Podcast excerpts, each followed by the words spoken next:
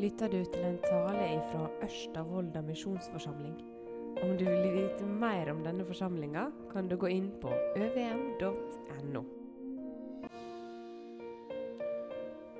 Eh, Et, liv i etterfølgelse, det er temaet som er i kveld. Og så vet jeg at her har jeg skrevet ett med to t-er. Eh, Og det er litt bevisst. Fordi livet er Vi har bare ett liv. Det livet vi har, det er ganske langt, og, og vi skal få leve evig i lag med Jesus. Men noen ganger så erfarer vi det faktisk at livet er, det er bare ett. Når denne dagen her er over, så er den over. Vi får ikke denne dagen her igjen. Da er den ferdig. Jeg husker hvor det søkk i magen min i fjor på hjortejakt når jeg lot et skudd gå, og så for hjorten, og så skjønte jeg at nå har jeg skadeskutt et dyr. Helt ugjenkallelig. Du klarer ikke å ta tilbake igjen det som, det som vi har passert, det, det får vi ikke tatt tilbake igjen. Sånn er livet vårt. Denne kvelden her, det er denne kvelden, og denne kvelden er gått, så får man ikke tilbake igjen. Det er noe som eh, besinner oss, altså. Som lærer oss noe om, eh, om hva livet vårt er, og det, det skjerper oss litt. Em, men det er altså et liv i etterfølgelse som er temaet. Til vanlig så liker jeg å ha sånn eh, Først kommer A, og så kommer B, og så kommer C, og så er vi i mål. Eh, men i dag så blir det litt annerledes. Eh, å ta et så stort tema så vi klarer ikke å komme innom alt. Så det kommer ikke til å være sånn at vi nå går vi her, og så er det en sånn en rytme i det at vi ender opp på dette. Vi skal heller stoppe litt opp Vi, Vi skal tenke oss litt at vi går på ei strand. Og så plukker vi opp et eh, skjell eller en fin stein som er ett moment av det å følge etter Jesus. Og så ser vi litt på det i lag, og så minner vi oss sjøl om ja, dette er det å følge Jesus. Dette er en del av det å følge Jesus. Og Så går vi videre og så finner vi en ny stein, og så ser vi ja, dette her òg er det å, å følge Jesus. Sånn ser det ut. Dette er en viktig del av det å følge Jesus. Så det er ikke sikkert alle disse her henger veldig sammen, men alle sammen er en viktig del av denne sandstranda som vi går på, som er etterfølgelse av Jesus. Og I motsetning til når jeg går på i fjøra med Jakob, så håper jeg at vi tar med oss alle disse her hjem og legger de i en vinduskarm eller på et spisebord, sånn at vi husker på dette her når vi skal leve, leve livet i lag med Jesus. Vi skal ta opp noen tekster, eh, og vi skal ta opp noen tema. Det første som jeg har lyst til at vi skal ta opp, det er at et liv i etterfølgelse av Jesus det, det begynner ikke med at vi tar et første skritt. Det å følge etter Jesus det begynner ikke med at vi tar et første skritt, at vi begynner å gå. Nei, det begynner med at eh, vi blir kalt. At vi blir kalt ut av noe og inn i noe. Her leser vi i Romerbrevet kapittel 8, 28-30. Vi vet at alle ting tjener til det gode for de som elsker Gud. De Han etter sin frie vilje har kalla. De Han på førehånd vedkjente seg, har Han òg på førehånd sett til å bli forma etter bildet av sønnen sin, så han skulle være den førstefødte mellom mange søsken. Og de han på førehånd har bestemt til dette, har han òg kalla. Og de han har kalla, har han òg sagt rettferdige. Og de han har sagt rettferdige, har han òg herliggjort. Når vi begynner å følge etter Jesus, så er det fordi ørene våre plukker opp Guds stemme, som sier, 'Astrid, du er min'. Marit, jeg vil at du skal følge meg. Egil, du er min. Jeg har kalt deg, sier Gud. Jeg har gjort det etter min frie vilje. Og når jeg gjorde det, så var det for at du skulle bli forma lik Jesus. Jeg har sagt deg rettferdig, og jeg skal herliggjøre deg. Når han begynner å kalle, da starter veien. Da begynner vi å være på vei imot Han og det som Han har kalt oss til. Og det er i kraft av Hans kall og Hans oppfølging. Han er den hyrden som setter oss i gang. Og Det er noe som gjelder kallet når vi hører det første gang. Jeg kan ikke si når jeg hørte det første gang. Det husker jeg ikke. Men første gang jeg fikk komme til Jesus og fikk tillit til han, at han ville ha med meg å gjøre Men det gjelder òg kallet hver eneste dag.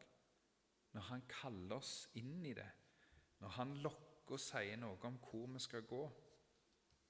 Jeg vet ikke om du kommer på et tilfelle nå i uka, i den uka som var, i helga, der Jesus kalte deg, der han kaller deg til å gjøre noe eller å ikke gjøre noe.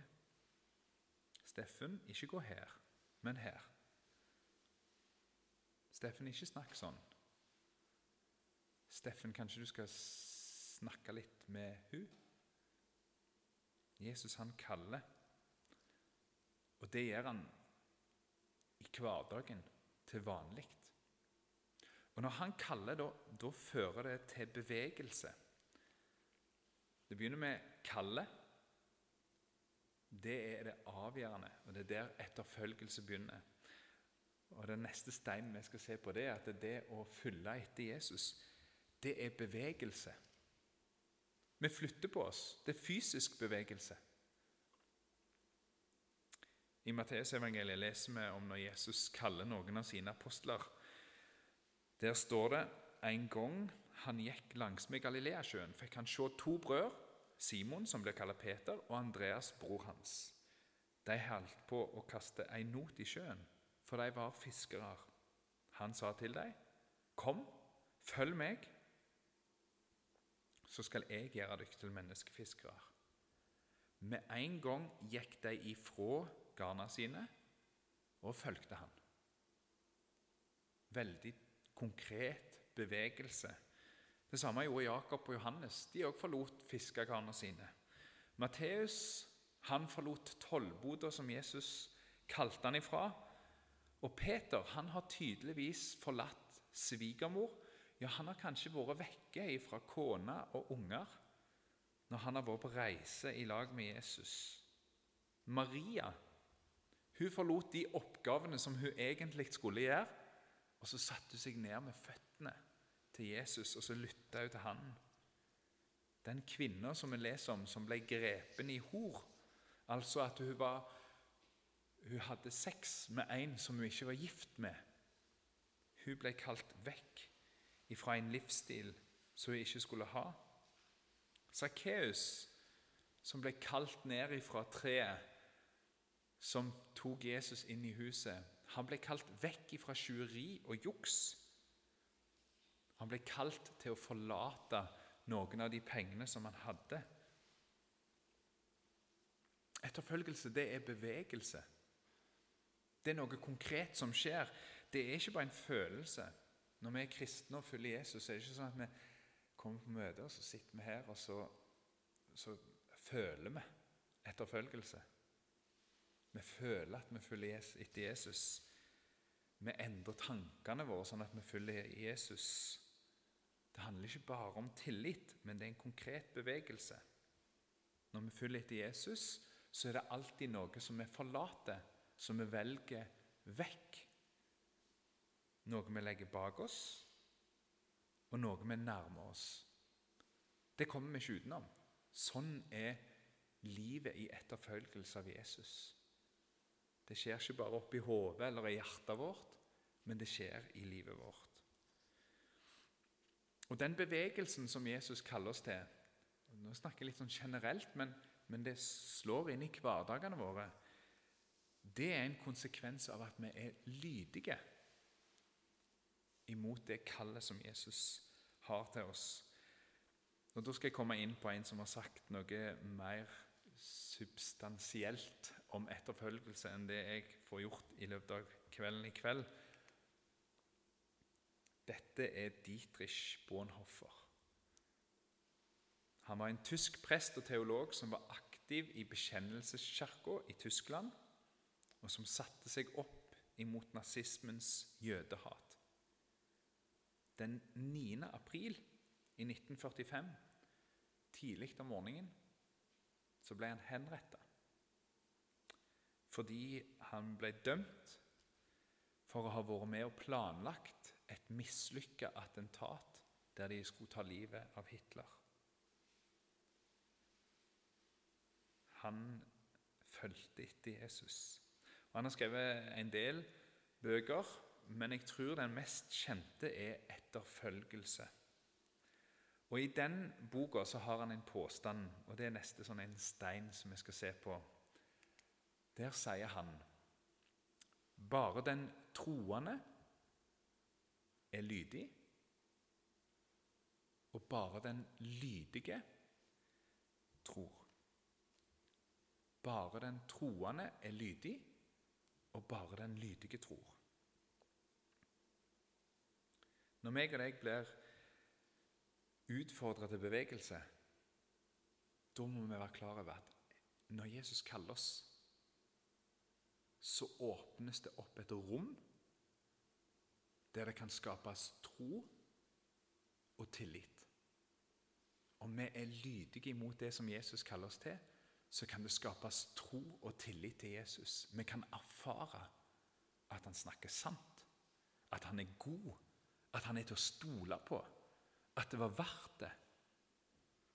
La meg ta et litt sånn flåsete eksempel. Det kan være noen av dere har hørt det tidligere. Når jeg gikk på bibelskole i Nord-Norge, så eh, hendte det at vi var på fisketur. Og i bagasjerommet på eh, Masta 626-en min eh, der lå det to fiskestenger. Det lå ei sånn ferskvannsslukstang, og så lå det ei fluestang. altså den her der du må ha teknikken for å hive ut. og sånt. Og Hver gang vi kom til et vann og jeg stoppet opp, så åpner jeg bagasjerommet. Nå skal vi ut og fiske. Så ser jeg på disse to fiskestengene. Så visste jeg at denne med sluk den har jeg fått fisk på mange ganger. Mens denne flågestanga den har jeg aldri fått fisk på. Så hver gang jeg stoppet med et vann, så tok jeg den fiskestanga som hadde sluk. Og fluestanga, den fikk ligge. Jeg fikk aldri gjort meg en erfaring av at den fiska. Hvis jeg hadde prøvd den, så ville jeg kanskje erfart at det, å ja, nå er det sånne forhold. Da er det den jeg må ha. For da fisker den så utrolig mye bedre enn denne her. Bare den troende er lydig, og bare den lydige tror. Vi ble utfordra på noe av det av fikeren nå på søndag. Når vi lar Guds kraft, når vi lar Gud slippe til, så kan det skje noen utrolig store ting. Når Han kaller oss, og vi er lydige. Og så er det en praktisk konsekvens av dette her. Og det er det at ulydighet det vil kvele tro. Troa blir kvalt når vi igjen og igjen ikke velger å gå på det som han kaller oss til, så vil det kvale, kvele trua vår på mange områder i livet av etterfølgelsen. I livet i etterfølgelse.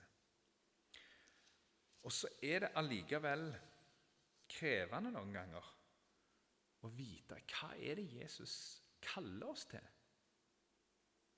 Hvor er det han vil at jeg skal gå i dag? Nå?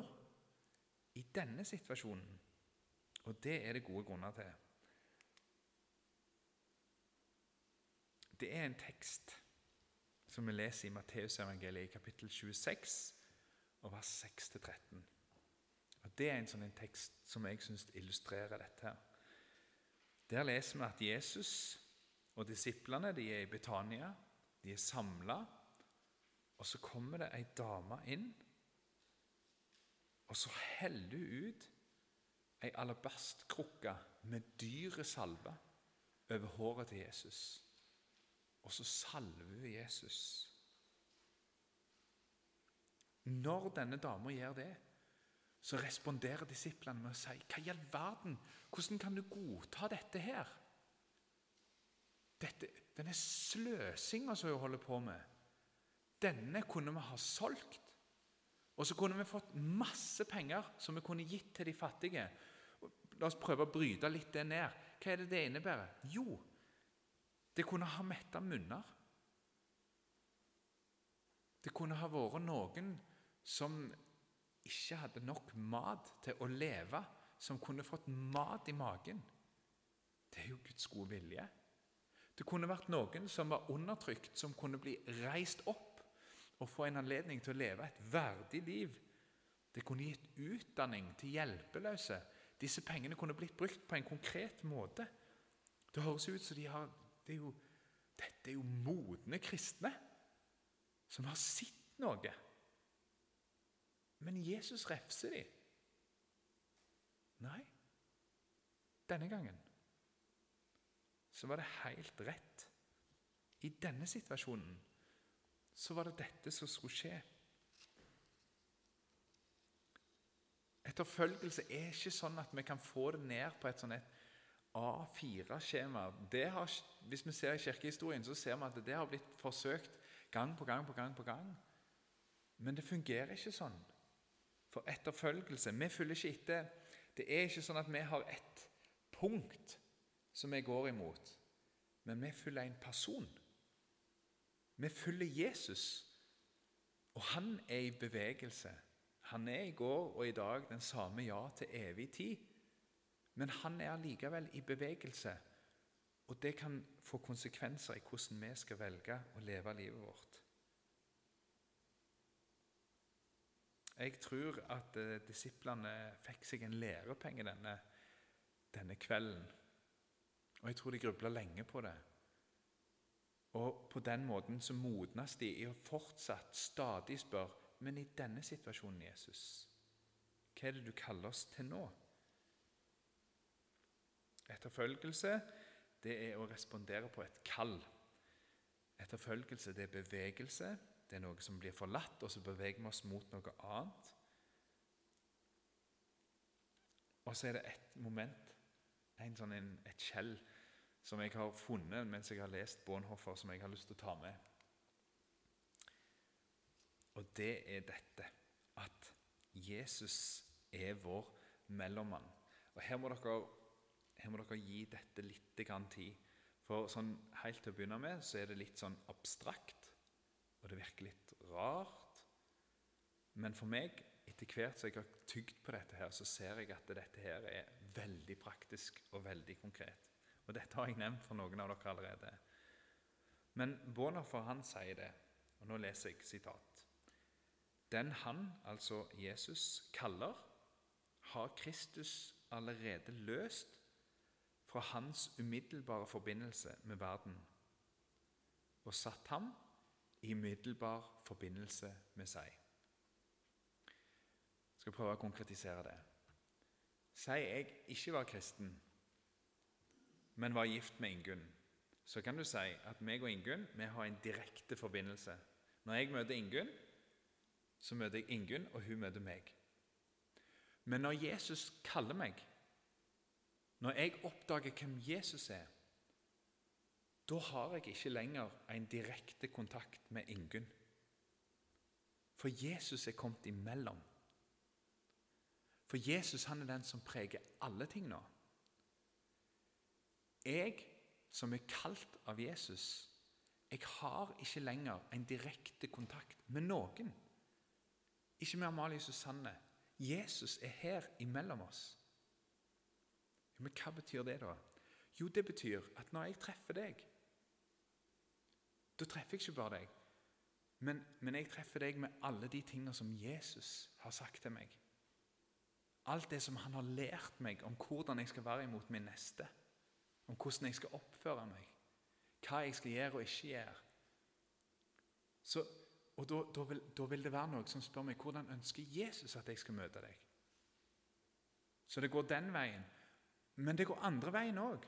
For Jesus er mellom meg og alle ting. Sånn at når jeg treffer deg, så treffer jeg ikke bare deg. Jeg treffer deg som Jesus har skapt. Som han ville skulle være her. Som han ønska her. Og, og dermed så møter jeg noe av Jesus sin velsignelse inn i livet mitt. For Jesus er mellom meg og alle ting når jeg følger Jesus. Han er mellom meg og eiendelene mine. Han er mellom meg og mine venner. Han er mellom meg og skoleboka mi. Han er mellom meg og alt. Når jeg legger meg ned i senga, så er Jesus imellom meg og senga mi, sånn at jeg tar imot den senga der som en gave fra Han, og sånn at jeg vurderer skal denne senga her byttes ut nå, så har jeg Jesus sin stemme inn i dette her. Og Det kunne få oss til å tenke at vi som kristne, når Jesus er mellom oss og alt, at vi blir sånn, sånne bobler som bare svever litt vekk. Men det er ikke sånn, altså. For det er han som har skapt denne verden. Og når vi begynner å se verden sånn som han har tenkt om verden, så skapes det noe nytt. Jeg husker når vi hadde innflyttelsesfest i huset etter vi hadde knota i et halvt år og jobba og styrt og pustet opp og endra på nesten alt. Så hadde vi noen folk på besøk, og så sa jeg Og det var først når jeg sa det, at det gikk opp for meg at vi er så takknemlige for å ha dette huset. Og så er jeg så takknemlig for at jeg har en jeg kan takke for dette huset. Det er en som har gitt meg dette. Jeg har fått det. Det er ikke bare noe vi har prestert eller gjort eller fått tak i eller ordna, men det er en som har gitt det til meg. Og Sånn preger Jesus alle ting. Når du får en melding fra noen, så er Jesus imellom deg og den meldingen der, og så må du tenke Hva er det Jesus hadde tenkt med at jeg fikk denne meldingen? Hvordan skal jeg respondere på denne meldingen?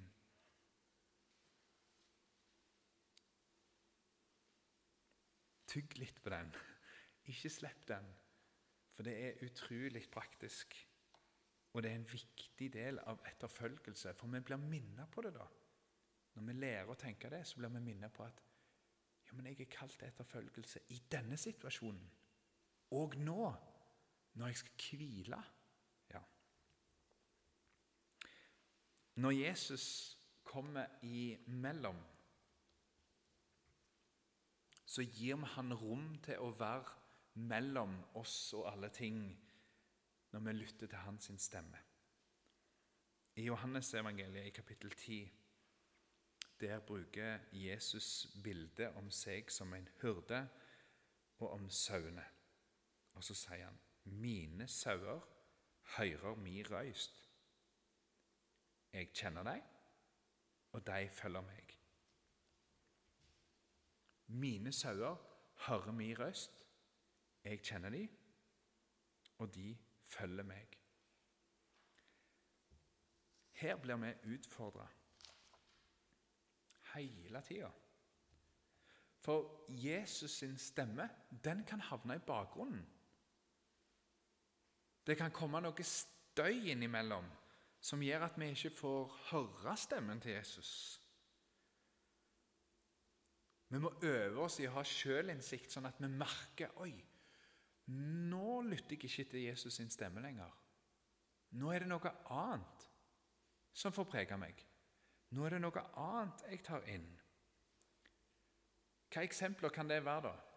Noen eksempler som jeg har tenkt på, som kan påvirke oss, sånn at Jesus sin stemme kommer i bakgrunnen det er når noen roper høyere. Når noen roper høyere enn Jesus sin lavmælte og milde stemme. Det kan være ungene våre som roper høyere. Og det gjelder om de er tre, tolv, 35 Ungene våre er noen som kan få en sånn en plass inn i livet vårt som gjør at vi, de betyr så mye for oss at Jesus sin stemme kan komme i bakgrunnen. Nei, hvorfor skal dere det? Kan dere ikke heller være med på dette? Må dere prioritere det? Det hadde vært så kjekt hvis dere droppa det. Nei, jeg orker ikke det der greiene der. Dere er så teite hvis jeg er nødt til å være med på dette her. Det er ikke så farlig. Kom igjen, da. Det kan bli sagt på mange forskjellige måter. Andre ting som kan komme imellom, det er et styre, en komité, en arbeidsgiver Det kan være mange stemmer som roper så høyt at de krever oppmerksomheten, og så får ikke Jesus den. Og så tenker jeg inn i den kristne forsamlingen, så har jeg lyst til å si det nå, i fredstid. For en av de tingene som kan gjøre at Jesus sin stemme kommer i bakgrunnen, det er konflikt. Når vi blir uenige om viktige ting, om ting som er Dette her er viktig for et kristent fellesskap. Da kan Jesus sin stemme komme i bakgrunnen. Og så kan vi gli inn i sånn at vi lytter heller til vårt parti sin stemme. De som er enige med oss sin stemme. Og så hører vi ikke så Plutselig så har vi slutta å gjøre sånn som vi pleier å gjøre når vi står over noe vi ikke vet heller. okay, Men hva er det Jesus har sagt om dette her? Plutselig så har vi bestemt oss, og så blir Bibelen ei lukka bok. Og så hører vi ikke Jesus sin stemme, ikke om det vi er uenige om, men heller ikke Jesus sin stemme om hvordan skal vi oppføre oss mot hverandre når vi ikke er enige. Hva sier Jesus om å snakke stygt om noen bak ryggen til dem? Det gjelder uansett, det. Det gjelder òg om det er en from begrunnelse eller ei. Og så kan det være mange ting. Det trenger ikke bare være stemmer. Det kan være ting, materielle ting. Det kan være drømmer, håp, falske håp, som kan gjøre at vi heller vil høre på det enn Jesus sin stemme. Og Så er det én ting som jeg hadde lyst til å ta fram. Noen ganger så er det sånn at når, når det får for store konsekvenser for oss å lytte til Jesus sin stemme, da kan det være at vi prøver å skyve Jesus sin stemme litt i bakgrunnen. Når det kan være at hvis jeg skal høre på Jesus sin stemme, så kan jeg miste jobben min. Hvis jeg sier dette her, så kommer de ikke til å ville ha noe med meg å gjøre lenger. Kanskje jeg kan miste relasjonen. Kanskje jeg kan miste pengene mine. Kanskje jeg kan bli fengsla. Hvis det har skjedd med deg at du har vandret avsides og gjort noe som er imot mesteren sin stemme, så ikke steng han ute, men la han få lov til å komme til. La han snakke til deg. Hør han, og følg han. Og For å lytte til Jesus sin stemme så må du sørge for at du er der som Jesus sin stemme er. At er både er framfor en åpen bibel at du, Sånn at når du kommer i ulike situasjoner, så husker du ja, det er det Jesus har sagt om sånne ting. Det var det det Jesus tenkte om det. Men òg at du er i et fellesskap i lag med andre som både lytter til hans stemme, og som løfter hans stemme opp, sånn at vi kan høre hva han har sagt. Vær der. Lytt til hans stemme. Etterfølgelse, det er å lytte og bruke ørene for å følge etter hyrden vår, hans stemme som vi kjenner.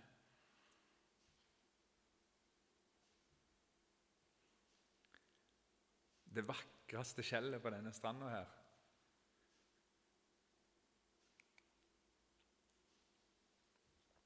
Det er nåde. I en sånn eh, luthersk, roseniansk sammenheng så kan vi fort havne i ei grøft der vi sier at etterfølgelse det er noe som vi putter inn i en, en, en bolk som heter lov. Altså krav som Jesus kommer, med oss, kommer til oss med. Følg meg, du skal gjøre dette. At det er etterfølgelse. Men i etterfølgelse så møtes lov og evangelium. Jesus sier, 'Følg meg'. Og det sier han når han sier, 'Kom til meg' og jeg vil gi dere hvile. Kast all deres bekymring på meg, for jeg har omsorg for dere. I Han har vi forløsningen, syndenes forlatelse. Å følge Jesus, det er å komme til korset. Det er å komme og be om nåde. Og det er ikke en sånn en ja, ja, du fikk ikke til å følge meg, du. Så kommer du her og så ber du om nåde, og så får du følge meg videre. Nei, akkurat, akkurat det du gjør der når du kommer og så sier du 'tilgi meg', det er etterfølgelse. Det er han annerledes. Det er ingen som er som han der. Det er etterfølgelse. Kom til meg, alle de som sliter og tungt å bære. Jeg vil gi dere hvile. Ta mitt åk på dykk og lær av meg, for jeg er mild og mjuk i hjertet. Så skal dere finne hvile for deres sjel. For mitt åk er godt, og mi bør er lett. Og så sier han en annen plass Den som drikker av dette vannet, blir tørstet. Men den som drikker av det vannet jeg vil gi, skal aldri mer tørste. For det vannet jeg vil gi, blir i han ei kjelde med vann som bryter fram og gjev evig liv. Pøstrikk av den kilden som heter nåde og tilgivelse av Jesus. For når du gjør det, da begynner du å likne på Jesus. Jeg tror, jeg, jeg tror vi alle har noen vitnesbyrd, altså noen ting som vi, kan si om Jesus som, som, kan variere og ha litt ulike fasetter i løpet av livet. Og nå, nå i den sesongen jeg er i nå hvis, jeg, hvis, du spør meg men hvem er Jesus, da er mitt svar Jesus. Jesus Kristus han er den som er helt perfekt. Han er fullkommen. Han er god. Han er heil ved. Han har ingen skyggesider. Han har integritet tvers igjennom. Og så er han ren. Og likevel så er Jesus en som møter meg med et blikk, med nåde. Han som er helt perfekt. Han møter meg med et blikk med nåde. Sånn er ikke vi mennesker. Sånn er i hvert fall ikke jeg. Hvis det er noen områder som jeg mestrer, som jeg er god på Dette kan jeg. Dette, her, dette gjør jeg sånn og sånn og sånn. Og sånn. Og dette er viktig. Dette er jeg opptatt av. Det skal gjøres sånn. Når jeg da møter andre som ikke gjør det, da er det ikke nåde, altså. Det kan være jeg oppfører meg sånn. Og, jeg, og når jeg gjør det, så er det fordi jeg har lært av Jesus at jeg møter folk med nåde. Men naturlig reaksjonen i meg, det er Hør, dette her går an. Hvis du bare prioriterer det, så får du det til. Det er det som er den naturlige reaksjonen. Men sånn er ikke Jesus. Han er ikke sånn. Han møtes med nåde. Og det er så stort. Når du har gått på en kjempesmell og tenker 'Dette var jeg dårlig på å følge etter deg, Jesus', og så kommer du og så sier du det så sier han, 'Nå følger du meg'. Dette er å følge etter meg.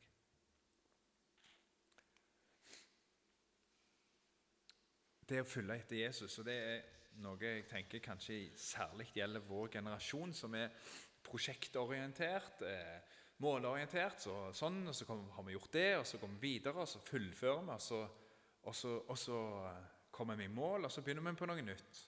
Sånn er ikke etterfølgelse. Etterfølgelse, det er vedvarende. Det er gjennom hele livet vi følger Jesus. Vi var, det er ikke så ofte at jeg er på fjelltopper, så når jeg først er det, så må jeg prøve å få sagt det. Men vi var på middagstind eh, i vår, meg og Ingunn. Eh, skulle, hadde tiårs bryllupsdag og skulle feire det med å være der. Og så skulle vi til Ålesund etterpå. Og så så vi at det var skodda til å begynne med, eh, og så tenkte vi ja, men det går bra. Og jeg hadde fått høre fra enkelte i forsamlinga at det, det, er en sånn en helt grei tur. Eh, de går oftere på fjellet enn meg. Eh, og så kommer vi vet ikke om det er noen av dere som har vært der, men når du er på flata, eh, så føler du at du har kommet et godt stykke på vei. Og så var skodda der fremdeles. Um, og så, ja, ja, Men vi gikk videre, da. Og så tenkte vi en lette sikkert når vi kom opp. Og så så, så du en topp, og så gikk vi videre. Og det var så tjukke skodder. Jeg var helt sikker på at det var toppen. Og det var når vi var halvveis. Så tenkte jeg det. Og vi gikk, og vi gikk, og vi gikk, og vi gikk. Og jeg var sliten, og jeg var utkjørt. Og det var stadig en ny topp. Hvis vi ikke er forberedt på at det å følge etter Jesus det er noe som varer hele livet, og det er stadig nye topper, nye situasjoner som kommer, så, så er det ikke sånn som det står her i Matteus 10, vers 22. Der står det Men den som holder ut til enden, skal bli frelst. Det å følge etter Jesus det er ikke en sånn en, sånn nå var jeg i mål med det. Det holder vi på med hele livet. Og Det innebærer at vi er nødt til å ta vare på noen matpakker. Nå er jeg frisk og rask. Nå har jeg god helse. Jeg har det bra. Og så lagrer jeg meg opp noen matpakker der jeg ser hva det Jesus har sagt om det å følge etter han når jeg er syk. Hvordan ser det ut? Så lagrer jeg det, sånn at jeg er klar at jeg har en liten Kvikk Lunsj når jeg skjønner at dette heller var ikke toppen. Hvordan ser etterfølgelse av Jesus ut når jeg har tenåringer i hus? Så lagrer jeg det. Hvordan ser det ut? å Hva gjør jeg da? Hvordan ser det ut å følge Jesus når alle er imot meg? Når det er teit? Hva gjør jeg da? Må vi lytte til hans stemme. Og så er det én ting som jeg har erfart som har vært sånn viktig inn i livet. En sånn en liten matpakke som jeg har lyst til å gi videre. Så kan det være at det er noen her som trenger den. I Jobb kapittel 35 vers 13-14 der er Jobb frustrert. Og så får han høre. Det er løgn at Gud ikke hører at den veldige ikke ser. Jamvel når du sier at du ikke ser han, ser han din sak, og du må vente på han.